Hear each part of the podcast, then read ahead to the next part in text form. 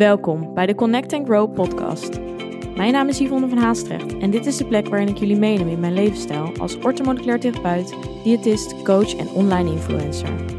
Ik ben een kleine blonde meid met een grote passie voor natuurlijke gezondheid, fit zijn, mindset en persoonlijke groei. In deze podcast doe je inspiratie op door middel van eigen ervaringen, evidence-based informatie en praktische tools waar je daadwerkelijk iets mee kan. Een platform om samen te connecten en waar vele ervaringen mogelijk herkenbaar zijn. Hierdoor hoop ik jou het gevoel te geven er niet alleen voor te staan. Een veilige community met gedreven en open-minded vrouwen die allen op hun eigen manier willen groeien. Connect, be aware en take control. Ben jij er klaar voor? Welkom allemaal, superleuk dat jullie er weer zijn.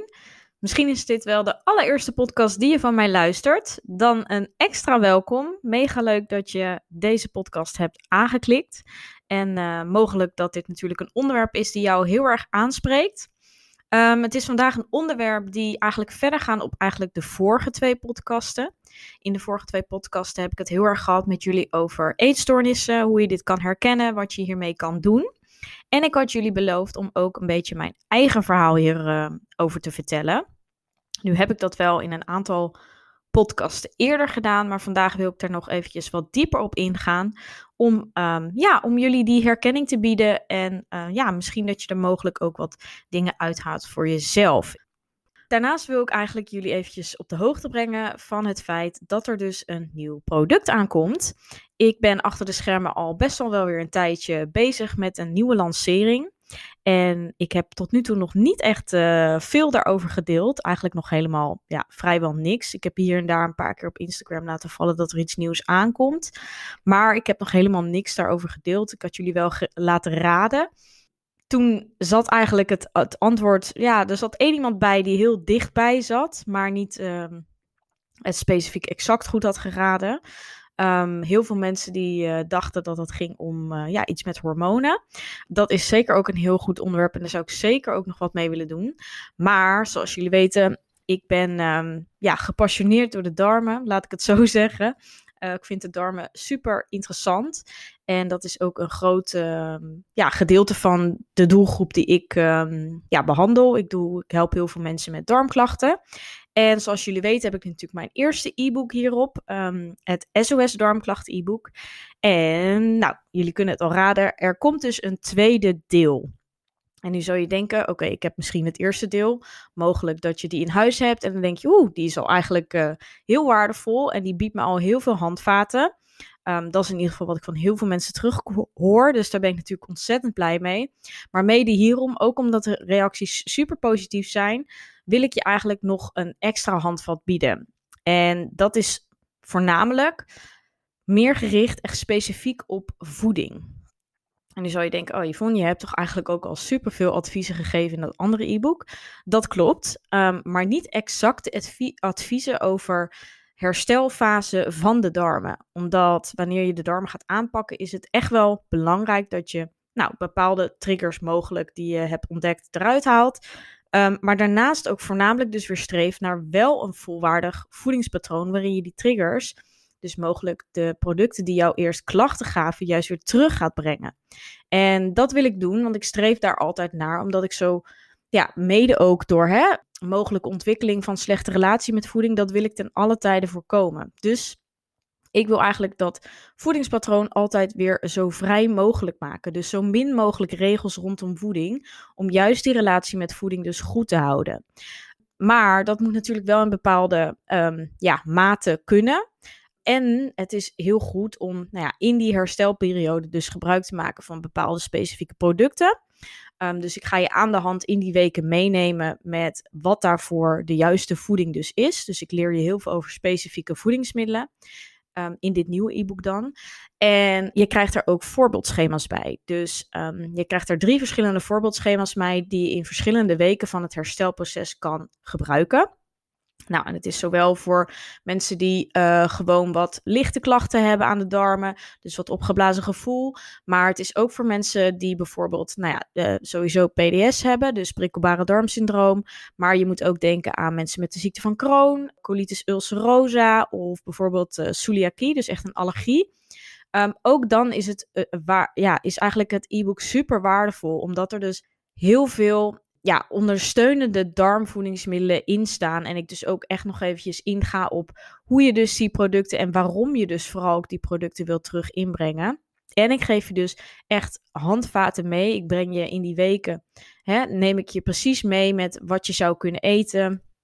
Het is dus wel echt een aanvulling op het e-book uh, die er al is. Maar je kunt hem ook losnemen. En uh, dit e-book is ook een, ja, dus minder uh, uitgebreid als het eerste deel. Het is ook voor een, tegen een lagere prijs. Dus het is voor meer mensen te gebruiken. En daarom wilde ik ook dat het ook voor iedereen toegankelijk is. Dus ook wanneer je eigenlijk het SOS Darmklachten e-book niet hebt. Dan alsnog ga je hier superveel waarde uithalen. Maar het is dus uh, min een stukje uh, holistische aanpak waarin ik eigenlijk alles omtrent darmklachten bespreek. En dit is echt puur alleen op het voedingsgedeelte. Maar mocht je van voeding al heel veel weten, dit biedt je gewoon heel veel duidelijkheid. En um, ja, eigenlijk een soort van boodschappenlijst. Zo moet je het zien. Dus ik heb je, geef er een hele variatielijst in. Met eigenlijk ook heel veel vervangers. Dus bijvoorbeeld glutenvrije producten. Waar kun je aan denken? Wat zijn goede vervangers? Um, hoe kun je sojavrij eten? Hoe kun je zuivelvrij eten? Hoe kun je tarwevrij eten? En hoe kun je ook al die drie die dingen uh, eruit laten? Wat zijn de producten die overblijven? Wat raad ik aan? Etcetera. Dus het is echt een super praktische bundel. En nou, ik hoop in ieder geval dat jullie er natuurlijk super veel uh, aan gaan hebben. En um, ja, dat het echt als extra aanvulling ook nog eens is. Dus eigenlijk voor de mensen die het SOS Darmklachten e-book al hebben en nog een stapje verder willen, daar nog meer waarde uit willen halen, maar ook dus voor als je eigenlijk zeg maar nieuw bent. De prijs is dus inderdaad een, uh, echt wel een stuk lager als uh, de ander, deel 1. En dit komt dus voornamelijk omdat het beknopter is. Dus het heeft gewoon minder pagina's, om het zeg maar zo te zeggen. En het gaat niet in op dat hele holistische stukje. Dus als je dat zou willen, dan moet je natuurlijk, ja, raad ik wel aan om die deel 1 te nemen. Maar goed, daar ga ik verder nog uh, niet te veel over uitweiden. Jullie hebben in ieder geval weten dat het er aankomt. Um, er komt ook een pre-order online. Dus mocht je geïnteresseerd zijn, um, dan ga ik die binnenkort delen op Instagram. Maar ik zal het ook nog hier in de podcast benoemen. Mocht je alleen de podcast luisteren. En um, ja, mocht je erover vragen hebben, laat het me gewoon weten.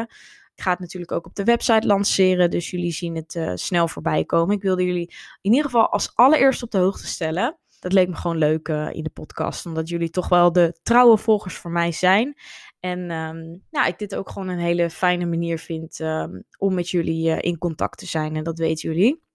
Oké, dat gezegd hebbende, stay tuned en ik, ja, jullie horen er snel meer over.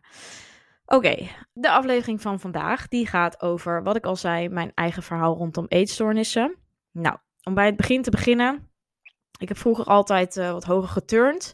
En nou ja, sportte in die tijd veel. Ik heb als kind zijnde altijd een, ja, tussen aanhalingstekens, normaal uh, lichaam gehad, postuur, uiterlijk. En ik denk, ja, rond mijn 13, 14e jaar uh, merkte ik wel dat ik iemand was die dus van lekker eten hield. En ik vond ook alles lekker. En er waren op zich thuis niet per se echt regels bij ons. We hadden nooit echt veel snoep in huis. Um, koekjes dan weer wel. Maar ik denk dat we een vrij gewoon um, gemiddeld Hollands eetpatroon erop nahielden. Niet specifiek heel gezond, ook niet specifiek heel ongezond. Um, maar ja, in die tijd dat ik dus turnde, dat was dus eigenlijk, uh, ik heb van mijn zesde tot mijn zestiende, dus tien jaar lang geturnd. Um, veel uren ook altijd dus, en wel veel in beweging geweest. Altijd ook wel een actief en sportief iemand geweest. Ik uh, hield echt van sporten, dat was echt mijn ding. Ook uh, bij de gym vond ik altijd geweldig. En ik weet al dat ik eigenlijk, ja, ik denk zeker uh, op het turnen, dus tijdens de turntrainingen, dat ik toen al mezelf heel erg aan het vergelijken was met ja, de meiden die om mij heen ook zo'n um, ja, turnpakje aan hadden, laat ik het even zo zeggen. Um, ja, omdat dat toch best wel, turnen is best wel een lichamelijke sport en je bent ook heel erg in control met je lichaam. En daardoor werd ik ook al heel snel heel bewust van, oké, hoe zie je eruit en hoe zien anderen eruit? En ik was er toch al wel heel vroeg mee bezig. Ik denk misschien al vanaf mijn tiende. Maar ik weet dat echt op mijn dertiende dat ik wel al gedachten kreeg van oké, ik vind mezelf te dik. En ik heb niet meer zo'n buik als dat ik altijd had. En nou ja, even als ik, als ik foto's terugzie toen op mijn dertiende, nou, ik had gewoon een sixpack, zeg maar. Maar ik uh, had gewoon het, het, het, het gevoel dat mijn buik gewoon altijd zo mega plat moest zijn, zoals het als kind eigenlijk altijd was. En er zat dan nu een, iets meer een bolletje, laten we het zo noemen. En dat was voor mij al dat ik, zeg maar, dik was was niet het, het, een, een graad mager iemand, zeg maar. Niet zo'n heel tenger persoon. Gewoon normaal, niks mis mee natuurlijk. Maar ik zag ook tengere meisjes, zeker bij de turnvereniging dan. En uh, daar ging ik me dan toch mee vergelijken. En dat was dan in mijn ogen mooier of beter. Um, en ik denk dat daar al uh, heel wat ontstond. Um, daarnaast was mijn moeder altijd wel op dieet. Mijn moeder was wel een aantal kilo te zwaar. Die was altijd aan het diëten. En dan deed ze weer shake dieet. En dan deed ze weer dit en dat. En ze sprak er op zich niet zo heel veel over. Maar ik weet wel dat ik het altijd ja, een soort van opving. En dat, ja, ik, ik, wist, ik weet wel dat zij ook heel erg bezig was met haar lichaam.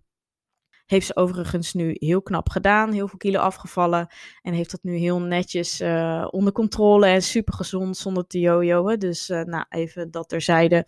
Heel trots op haar. Dat heeft er ook wel qua ja, kind zijnde let je gewoon heel erg op je moeder en wat die doet. En ik denk dat dat ook impact heeft gehad op mij. Nou, daarnaast uh, uh, ging ik op een gegeven moment dus stoppen met turnen. Nou, dan vielen er voor mij heel wat uh, sportuurtjes weg en merkte ik gewoon dat ik een stuk minder beweging had. Nou, ik was 16 jaar. Um, je zit ook in de leeftijd toen nog dat je toen ook al alcohol kon drinken. Er kwamen natuurlijk feestjes bij. Uh, ik at nog gewoon eigenlijk wat ik wilde. Lette er eigenlijk nooit op qua hoeveelheid. En ik merkte gewoon dat mijn lichaam op een gegeven moment veranderde. Dus zeker toen ik 16 was, um, ja, vond ik mezelf gewoon uh, te dik. En uh, zag ik gewoon in de spiegel dat ik niet meer dat lijf had van dat turnmeisje wat ik altijd had gehad. Dus um, nou ja, ik was ook wel letterlijk zwaarder op de weegschaal. En nou ja, voor mijn doen was ik toen wel ja, wat kilo's, had ik gewoon wat kilo's meer. En ik wil niet zeggen dat ik overgewicht had, want dat had ik niet. Maar ik voelde me in ieder geval zelf gewoon voornamelijk niet comfortabel met hoe ik eruit zag. En dat um, ja, had gewoon heel erg effect op mijn zelfbeeld. Ik kreeg gewoon een heel negatief zelfbeeld. Ik voelde me super onzeker, uh, ongemakkelijk uh, in mijn eigen lichaam. En nou ja, zeker in die soort van puberteit. Hè, je zit net op de, um, nou ja, net. ik zie je zit op de middelbare school. En ja, ik, ik ben wel gewoon, ik denk vanuit mijn persoonlijkheid ook dus wel een perfectionistisch persoon. En dit was voor mij gewoon niet goed genoeg. En ik kon er voor mijn ogen beter uitzien. Dus het was heel erg in strijd met wat ik uh, hoopte te zijn. En ja, ik wilde van dat gevoel af, dat negatieve gevoel. Ik was niet meer fijn in bikini met vriendinnen op het strand bij de gym voelde ik me bekeken. Terwijl, ja, waarschijnlijk niemand keek naar mij. Maar ja, het zat me gewoon niet lekker. Dus ik, ik weet niet hoe en waar precies, zeg maar, op een gegeven moment is begonnen. Maar ik weet wel dat ik dacht van, oké, ik ga gezonder leven. Ik ga mijn voeding aanpassen. En dat begon eerst met hele kleine stappen. Door gewoon ja, wat meer fruit te eten. Mijn sultanen te vervangen door zeg maar een appel ja, en zo kleine, kleine dingetjes die eigenlijk vrij normaal zijn. En wat eigenlijk ook best wel gewoon prima was, goed was, helemaal niet um, verkeerd. Al was het dus eigenlijk wel met een hele verkeerde intentie. Want mijn doel was echt hoe dunner, hoe beter. Dat, dat was wat ik wilde. Ik zag die Victoria's Secret modellen. En dat was in die tijd, was dat ook het ideaalbeeld een beetje. Hè? Hele dunne, lange benen. Nou ja, lang ben ik sowieso niet, dus dat werd hem al niet. Um, maar die dunne benen wilde ik wel. En nou ja, de rest ook zo dun mogelijk. Nu heb je natuurlijk meer het, Kim Kardashian. Hè? Dikke billen, brede heupen, smalle taille. Is dat het ideaalbeeld? En toen was dat echt uh, Victoria's Secret modellen. En dat wilde ik ook. En dat had ik ook gewoon echt voor ogen. Ik, ik beelde mezelf dat ook super vaak in. En ik geloofde op zich ook ergens wel dat ik dat kon bereiken. En ik dacht gewoon, ja, ik ga gewoon keihard mijn best hiervoor doen. Voor doen. En dat is uh, ja, wat ik uiteindelijk ook deed. Um, maar ja, mijn uh, regels en mijn dingen die ik uh, qua voeding deed en, en hoe ik met voeding omging, dat werd natuurlijk steeds strenger.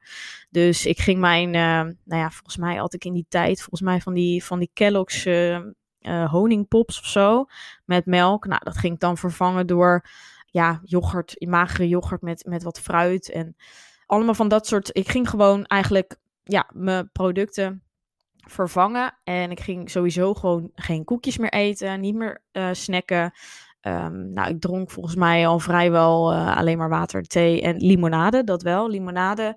Nou, dat haalde ik er natuurlijk ook uit. Um, nou, en zo al die dingen stap voor stap. En ik werd gewoon steeds strenger. En toen ik eigenlijk best wel een gezond, of tenminste gezondere productkeuzes maakte, ja, dan kom je al uit op heel wat minder calorieën, wat minder energie dat je binnenkrijgt. Maar op een gegeven moment ging ik me dus ook focussen op die hoeveelheid. En had ik heel erg dus de instelling ook hoe minder ik eet, hoe beter dat is. Dus ik ging mezelf echt voeding ontzeggen en um, hongerde mezelf eigenlijk als het ware uit. Dus op een gegeven moment at ik alleen nog maar uh, twee kiwis in de ochtend en dat was dan mijn ontbijt. En ja, niet te vergeten, ondertussen had ik natuurlijk ook wel bedacht dat beweging natuurlijk uh, wel goed bij kon uh, ondersteunen. Dus um, nou, ik weet nog dat ik met, ik denk één of twee keer met een vriendin naar de sportschool ging. En dan deed ik van die groepslessen. En soms deden we dus iets van Zumba en uh, nou, zo'n les met van die steps en dat soort dingen. Dus nog niet echt heel fanatiek, maar wel gewoon, ja, beweging is beweging. En uh, deden we af en toe nog wat op de cardio machine. Of af en toe gingen we alleen een beetje op de cardio machine staan. En deden we nog wat buikspieroefeningen. Ja, ja, toen wist ik er qua sporten in dat opzicht in de sportschool nog niet zoveel van af. Maar ik werd er natuurlijk wel steeds fanatieker in. En ik ging steeds harder mijn best doen. En steeds meer uh, ja, harder bewegen en sneller. En op de cardio machine keihard uh, als een gek daar keer. Want ik zag dat dingetje van die calorieën en hoe meer, hoe beter. Dus ja, ik werd er wel heel fanatiek in. Wat eigenlijk ook wel heel erg in mij zit. Dat heb ik natuurlijk ook tijdens het turnen. Ja, heel erg. Ja, ik heb dat altijd wel in me gehad. Maar ik, ik heb al snel dat ik ergens de beste in wil zijn. En ik zie dat dan ook al gewoon bijna als een soort van wedstrijd. En dit werd gewoon mijn nieuwe ding. Um, ik wilde hier gewoon, ja, eigenlijk wilde ik gewoon de beste worden in het afvallen. Daar komt het eigenlijk, kwam het eigenlijk een beetje op neer. Dus ja, die beweging kwam er ook bij. En toen ik merkte dat dat wel effect had en voornamelijk dat ik me daar ook heel goed bij voelde, dacht ik, yes, dit is een lekker gevoel. Ik voel me goed. En um, nou ja, hè? en zo breide ik ook dat bewegen uit. Dus ik ging op een gegeven moment dus ook hardlopen eraan toevoegen. En nou ja, dat deed ik dan eigenlijk wel iedere dag. Soms dus ook als ik naar de sportschool ging, dan ging ik daarnaast dus ook nog hardlopen. En dat was nog niet eens zo heel lang stukje. Ik denk dat ik 20 minuten van huis was. Maar uh, ja, toen voor het begin, ja, was dat, um, was dat mijn start. En ja, ik dacht gewoon hoe meer, hoe beter. Dus ik ga iedere dag, weet je wel. Nou ja, en dat in combinatie met dus heel weinig voeding, veel te weinig voeding wat ontzettend ongezond was. En wat ik dus ook niemand aanraad, uh, resulteerde gewoon in heel veel gewichtsverlies. En nou, ik ben iemand van 1,58. Ik denk dat ik binnen een jaar was ik meer dan 12 kilo wel kwijt. Nou ja, je moet je voorstellen, op een lichaam wat eigenlijk dus niet eens zo echt te zwaar is, is dat uh, veel te licht. Ik woog op mijn lichtste, van wat ik weet, 46 kilo ja, dat was gewoon veel te licht. En op een gegeven moment mensen gingen daar natuurlijk wat van zeggen. En die zeiden, oh, je bent afgevallen. En, maar ik zag dat dus niet. Ik zag niet dat ik was afgevallen. Ook al zag ik dus wel dat die weegschaal naar beneden ging. Ik besefte het mij gewoon niet. En het feit dat sommige mensen dus ook zagen van, oh, je ziet er goed uit. En wat ben je afgevallen? Dat was dan eigenlijk nog een soort van extra, ja, positieve bejegening naar oké, je doet het goed. Dus ik dacht alleen maar, oeh, ik moet het vasthouden. En mensen gaan het zien. En oh, blijkbaar zie ik er goed uit. En ja, zo is dat alleen maar verder gegaan en werd ik alleen maar steeds strenger. En um, ja, werd het natuurlijk heel erg een controle dingetje. En ja, nu op terugkijkend was het ook een manier voor mij om controle uit, uit te oefenen op mijn leven, omdat ik die op sommige vlakken andere vlakken eigenlijk miste. Um, en voornamelijk kwam er natuurlijk angst bij kijken. Angst om weer te worden zoals ik daarvoor was. Omdat ik wist dat ik me daar dus niet lekker bij voelde. En ja, nu waren mensen die opeens, um, ja, ik viel op bij mensen en mensen zeiden er wat van en mensen complimenteerden mij. En dat wakkerde alleen nog maar meer dat stemmetje in mijn hoofd aan van Yvonne, je moet sporten, je moet dit gezonde patroon, hè, tussen aanstekens, ik dacht dat het gezond was, vasthouden en je kan dit. En ik had zoveel motivatie, nu denk ik echt, ik zou het geen twee dagen volhouden. Maar ook al kwam er dus amper energie binnen, ik voelde me super energiek aan het begin. en ik voelde me echt on top of the world. Maar nog steeds in de spiegel zag ik dus dat niet.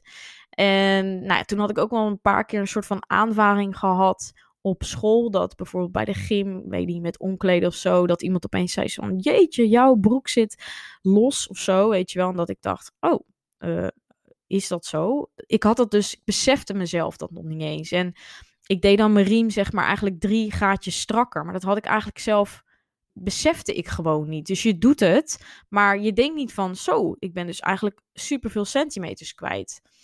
En dat is het enge aan dus eigenlijk, ja, uh, eetstoornis, beweegdrang. Ik had, het eigenlijk, ik had het allebei.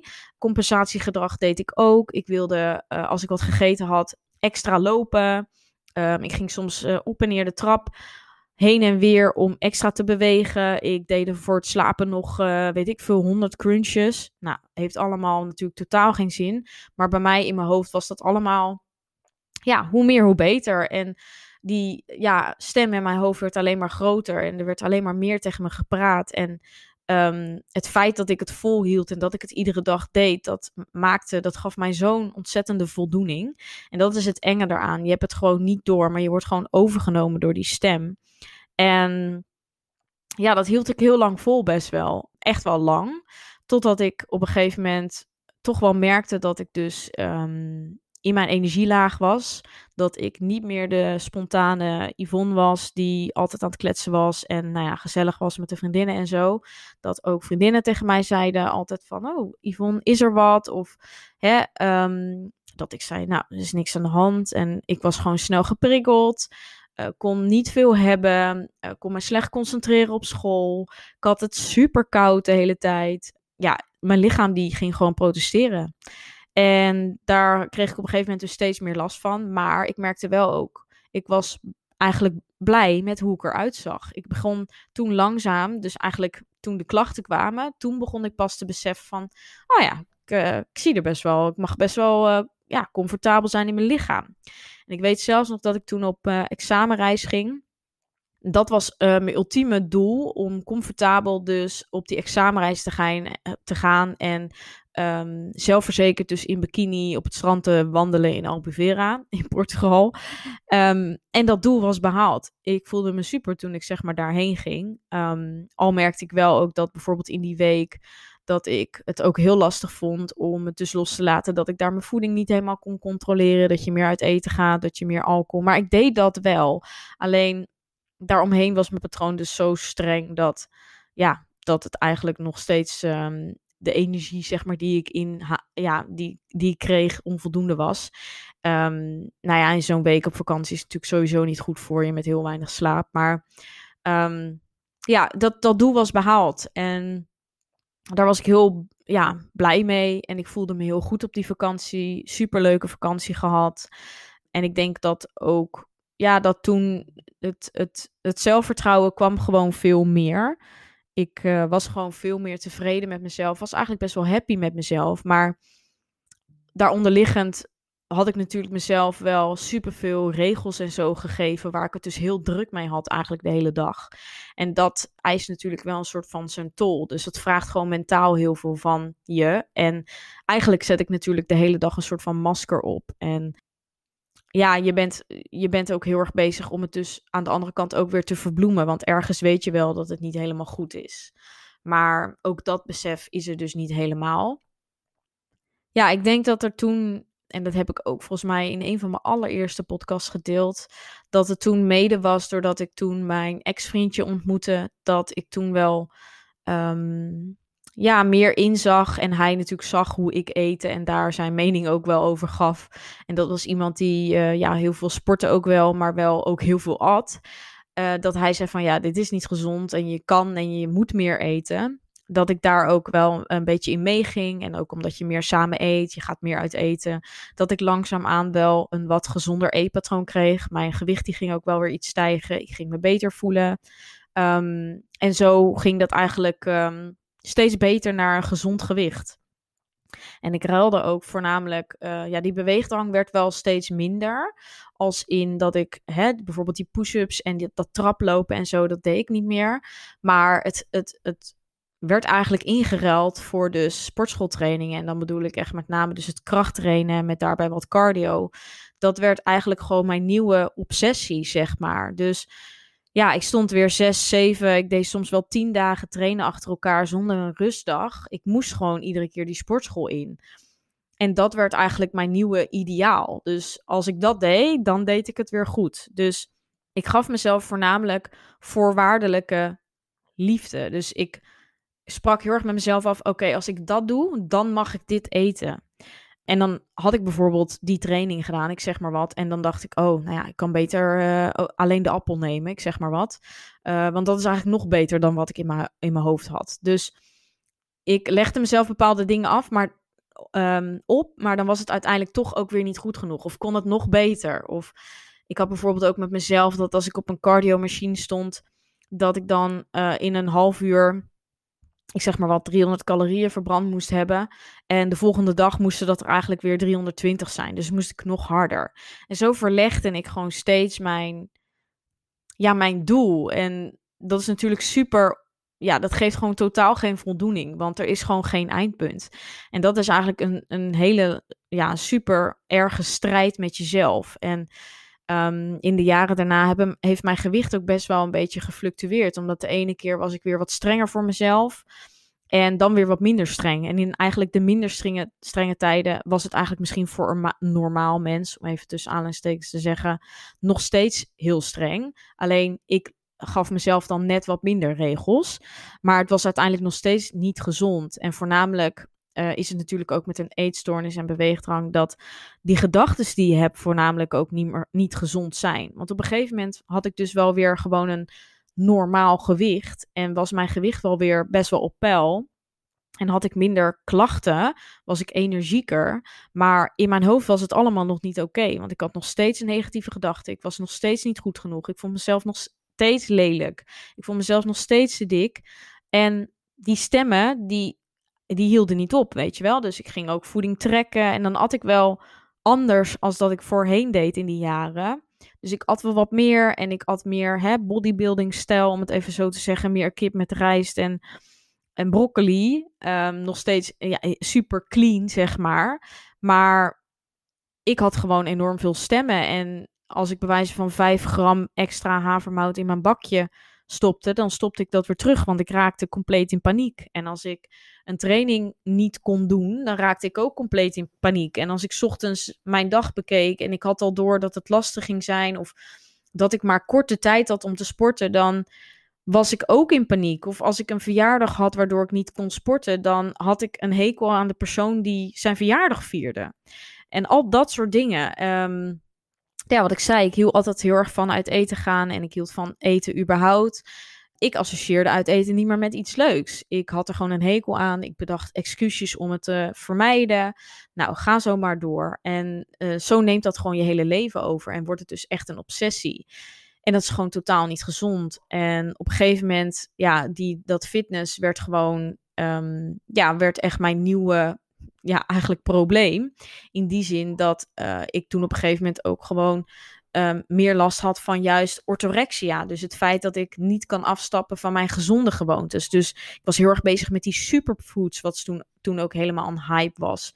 En nou ja, al dat soort dingen. Ik had gewoon steeds weer wat waarop ik mij focuste en waar ik me aan vasthield, als het ware. Ja, en zo ontwikkelde gewoon steeds weer nieuwe problemen. En ondertussen uh, studeerde ik dus ook voeding en diëtetiek. Dus dat was ook nog eens iets waardoor je steeds meer gaat leren over voeding. Um, dat ook een soort van allemaal wil toepassen. Dus toen kreeg ik echt die obsessie van alles moet gezond en uh, ieder voedingslabel moet worden omgedraaid. Alles moet natuurlijk. En zo beperk je jezelf natuurlijk steeds meer.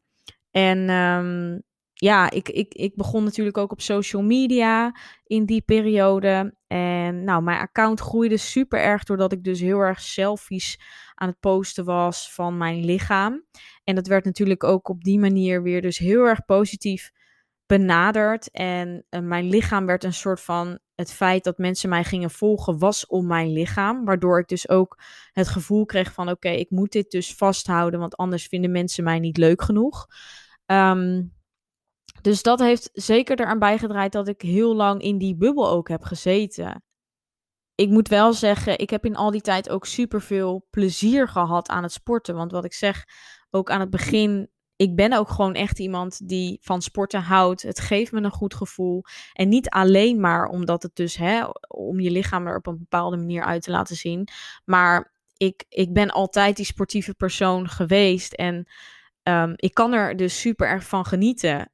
Alleen daardoor is het dus ook heel snel mijn valkuil. En al helemaal het feit dat ik dus ook competitief ben en fanatiek en ook perfectionistisch. Dus al die factoren en, en eigenlijk persoonlijkheden ook bij mij, die leiden er gewoon toe dat ik veel te veel ja, in mijn eigen wereld terecht kwam. Uh, nog steeds dus struggelde met die stemmen. En dan is het gewoon super moeilijk om daaruit te komen. Ook omdat je werk ermee verweven is. Um, ondertussen hielp ik zelfs andere mensen met een gezonder patroon. En nou ja, daarop terugkijkend denk ik ook echt wel dat ik af en toe in die zin um, te streng ben geweest voor anderen. Omdat dat was mijn wereld, zeg maar. Dus als ik nu kijk hè, met adviezen en de dingen die ik toen ja, mensen begeleid heb, dan zou ik dat nu heel anders doen. En is dat nu ook totaal niet meer mijn werkwijze. Maar dat was toen mijn bubbel. En dat was toen ook de mensen die ik zeg maar aantrok. Dus ik trok toen ook mensen aan die echt puur alleen maar in die fitnesswereld zaten. En hè, zes keer per week willen knallen en heel clean willen eten. En that's it. En dat is gewoon nu niet meer, weet je wel. Er is veel meer ruimte en ik, ik richt natuurlijk veel meer juist op, nou ja, precies wat ik nu vertel, op het uh, stimuleren van een goede relatie met voeding en bewegen. En daar die balans in vinden. En vrijheid rondom voeding ervaren. En gewoon puur lekker in je vel zitten. Tot op een hoogte waarbij je natuurlijk wel bezig mag zijn met bewegen en met gezonde voeding en bepaalde doelen behalen. Want daar ben ik helemaal voor. Maar het mag niet je leven overnemen en het mag geen stress opleveren. En voornamelijk mag je niet in hoeven leveren op je gezondheid. Omdat als die gezondheid goed is, dan zal je zien dat het lichaam automatisch gewoon meewerkt. En dat is wat mij dus op een gegeven moment heel erg ging tegenwerken. Ik kreeg steeds meer klachten. Dus nou ja, het begint bij vermoeidheid, uh, weer die prikkelbaarheid, op een gegeven moment ging ik dus ook automatisch gewoon aankomen in gewicht. Ook al deed ik zo streng. Ik kon benoemen wat ik wil, maar mijn lijf was gewoon in overlevingsstand. Ik stond gewoon stil. Mijn, mijn stofwisseling was zo laag. Um, nou, mijn schildklier is daardoor aangetast. Dat heb ik ook in bepaalde andere podcasts gedeeld.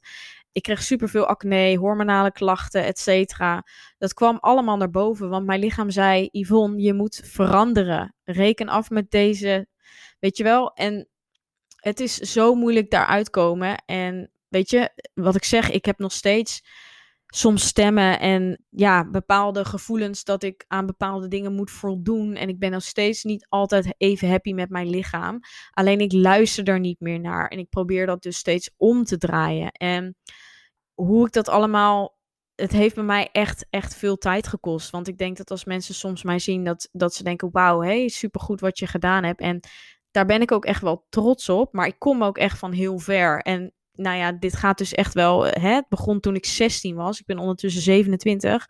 Dus ondertussen 11 jaar. Dat besefte ik me pas laatst. Dat ik over na ging denken van. hey, wanneer kwam ik eigenlijk tot dat inzicht? Ik kan pas zeggen dat ik, nou ja, 2,5 jaar geleden pas echt op een kantelpunt stond. En uiteindelijk merkte ik ook dat corona ook weer iets was voor mij waarin ik kon leren of waarvan ik heb geleerd. Omdat ik toen merkte van hé, hey, als de sportschool wegvalt, dan kan ik daar dus ook op een goede manier mee omgaan. Terwijl daarvoor ik een enorme ja, drang had om dus wel zoveel keer per week die sportschool in te gaan. En ja, dus corona heeft mij nog meer geleerd er anders mee om te gaan en oké te zijn met andere vormen van bewegen en daar plezier uit te halen en meer te wandelen en meer te focussen op innerlijke rust en meer mentale vrijheid en nou, et cetera. Dus weet je, ook waarschijnlijk op het punt waar ik nu zit, misschien zeg ik volgend jaar weer van hey, dit of dit heb ik ook weer bijgeleerd of dit heeft mij en ik denk dat je dat ook goed moet onthouden, dat je altijd blijft doorontwikkelen. Maar wees dus niet te streng voor jezelf, dat je gelijk het wil verbeteren en dat je van jezelf verwacht dat het 100 graden draait, want dat gebeurt niet. Dus wees in dat opzicht lief van jezelf en zoek hulp waar kan. Dat heb ik ook gedaan. Ehm, maar ik heb voornamelijk dus ook heel veel, ja, mezelf stap voor stap uh, de ruimte gegeven om dingen aan te passen. Dus hè, ga jij zes keer per week naar de sportschool? Ik ben begonnen met vijf keer. Toen ging ik naar vier keer. Uh, dat vervangen ondertussen door meer wandelingen, zodat ik voor mijn gevoel wel beweeg, maar dat hè, niet naar de sportschool gaat. Dat ook die regel eraf gaat dat alleen de sportschool perfect is. En zo ik denk, en dat heb ik ook natuurlijk in de vorige podcasten verteld, dat het supergoed is om dat soort dingen dus op te schrijven. Dus wat zijn de regels die ik mezelf geef en hoe kan ik die wat liever voor mezelf maken? En als je dat kan doen, dan maak je het jezelf voor jezelf heel inzichtelijk.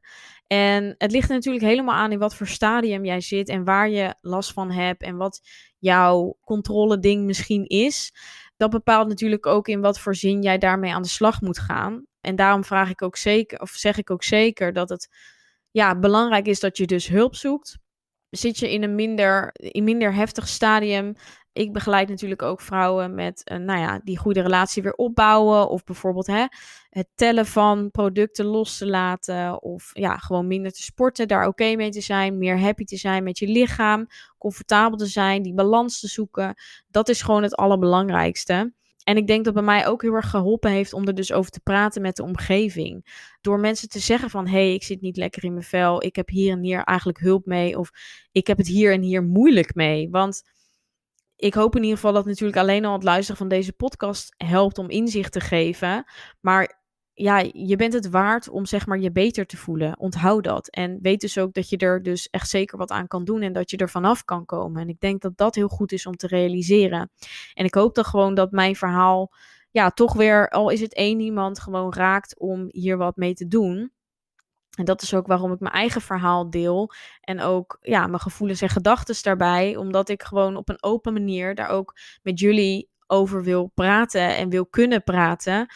En daarnaast wat ik ook zeg, het, het is ook mijn ontwikkeling. Dus ook al zie jij mensen misschien van de buitenkant dat je denkt van oh, bij haar gaat het helemaal perfect. Dat is heus niet altijd zo en dat hoeft ook niet.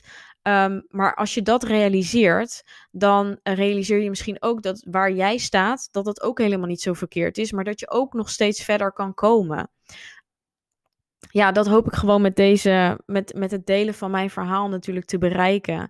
En ik weet nog steeds, er zijn superveel mensen die er last van hebben. Er zijn ook superveel mensen die het moeilijk vinden om daarover te praten. En ja, ik stel mezelf natuurlijk best wel kwetsbaar op door dit soort dingen te delen. Maar ik weet ook dat ik het in die tijd super waardevol had gevonden als ik dit soort dingen kon luisteren. Dus nou ja, dat hoop ik voor jou te kunnen betekenen.